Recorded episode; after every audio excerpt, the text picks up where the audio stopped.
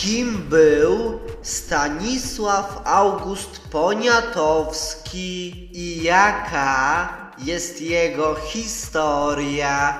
Tego dowiesz się w tym odcinku. A teraz zapraszam Cię na krótką czołówkę. No witam Cię z tej strony Michalos i zapraszam Cię na kolejny odcinek podcastu pod tytułem Niepodległa Historia, w którym specjalnie dla Ciebie omawiam historię Polski i świata bez cenzury i bez zakłamywania i naginania faktów.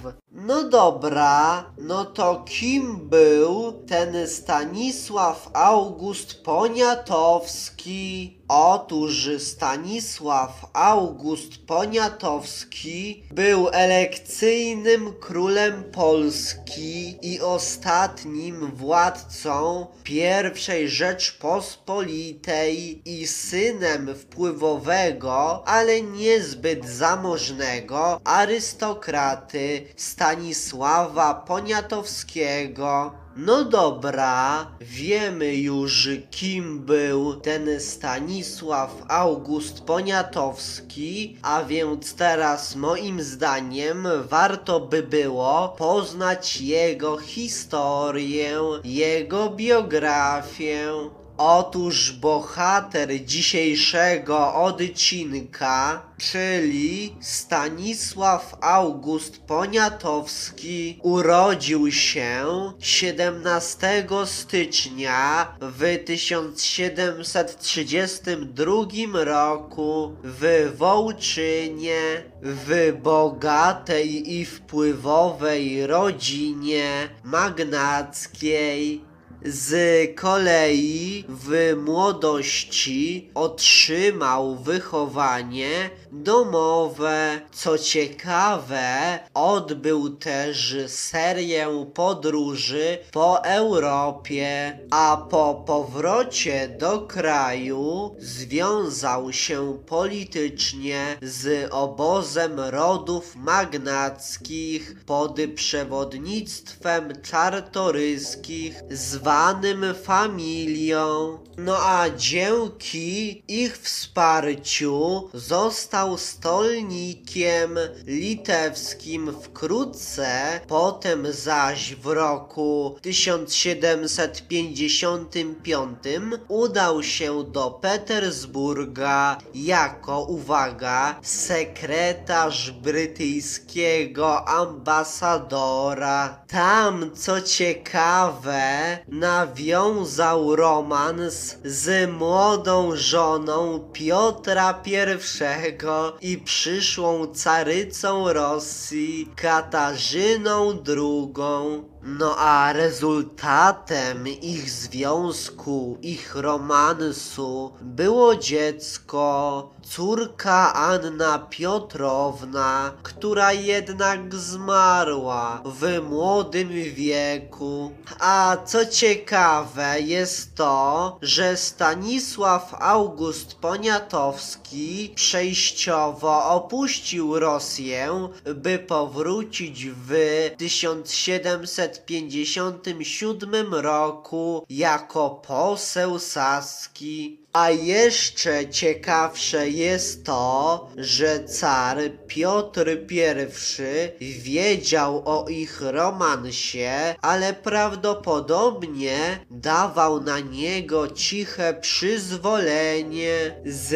kolei poparcie kochanki pozwoliło młodemu Poniatowskiemu osiągnąć wielką karierę polityczną. No bo w roku 1764 po śmierci Augusta III Sasa doszło do wolnej elekcji, w której połączone siły familii i rosyjskiego wsparcia doprowadziły do osadzenia na tronie Stanisława Augusta Poniatowskiego. No a Stanisław August Poniatowski, co ciekawe, rozpoczął swoje panowanie od serii reform, które miały ograniczyć stopień anarchii państwa, wzmocnić je wewnętrznie, ukrócić samowolę hetmanów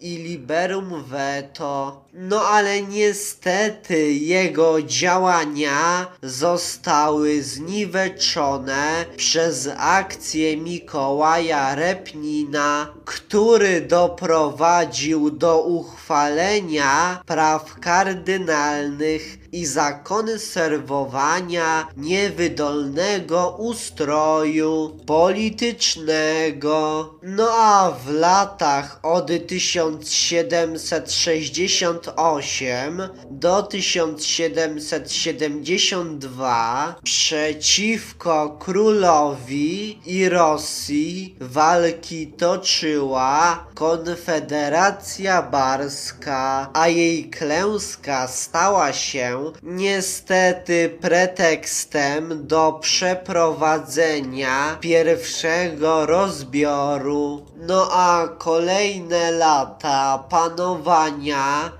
Stanisława Augusta Poniatowskiego to próba wyrywania się spod wpływów Katarzyny II i przeprowadzeniu reform w państwie. Co ciekawe, w międzyczasie król August ujawnił swoje zdolności na polu kulturalnym, no bo rozbudowując Warszawę i królewskie rezydencje, stał się mecenasem sztuki i kultury. No a z kolei w kwestii reform nadal działała powołana tuż po elekcji szkoła rycerska, a na Sejmie w latach od 1773 do 1775 powołano do życia Radę Nieustającą, mającą obradować między sejmami. Starano się również doprowadzić do zwiększenia liczby wojska i do wprowadzenia cła generalnego. No a oprócz tego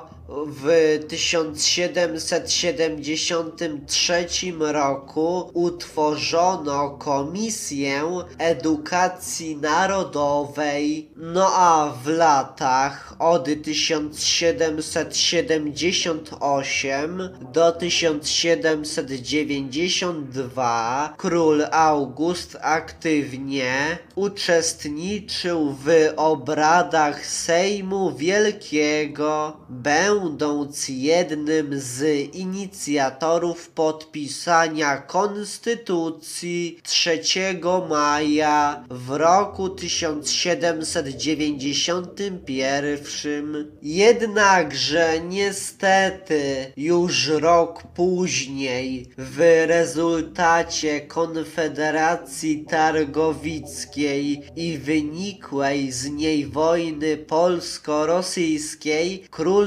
przystąpił do Targowicy, wierząc, że tylko to pozwoli na uratowanie chociaż części reform. No a niestety od tego czasu król Stanisław August Poniatowski był już tylko biernym, kontrolowanym przez Rosję świadkiem drugiego i trzeciego rozbioru, jak również i klęski insurekcji kościuszkowskiej. No a z kolei zmuszony do emigracji do Petersburga zmarł tam 12 lutego w 1798 roku. Niestety, ten odcinek dobiega już do końca, więc chciałbym Tobie podziękować za to, że poświęciłeś lub za to, że poświęciłaś swój cenny czas na posłuchanie tego odcinka podcastu Niepodległa Historia. A jeśli spodobał Ci się ten odcinek, to koniecznie podziel się nim z innymi, udostępniając go dalej, na przykład za pomocą Messengera, po prostu wysyłając link swoim znajomym do tego odcinka, czy po prostu za pomocą Twittera, czy po prostu za pomocą Instagrama, czy innego narzędzia, czy innej aplikacji social media. Z góry dzięki za okazaną pomoc w takiej postaci. No dobrze, ja muszę się już żegnać z Tobą. No to do usłyszenia w następnym odcinku. No to cześć, pa.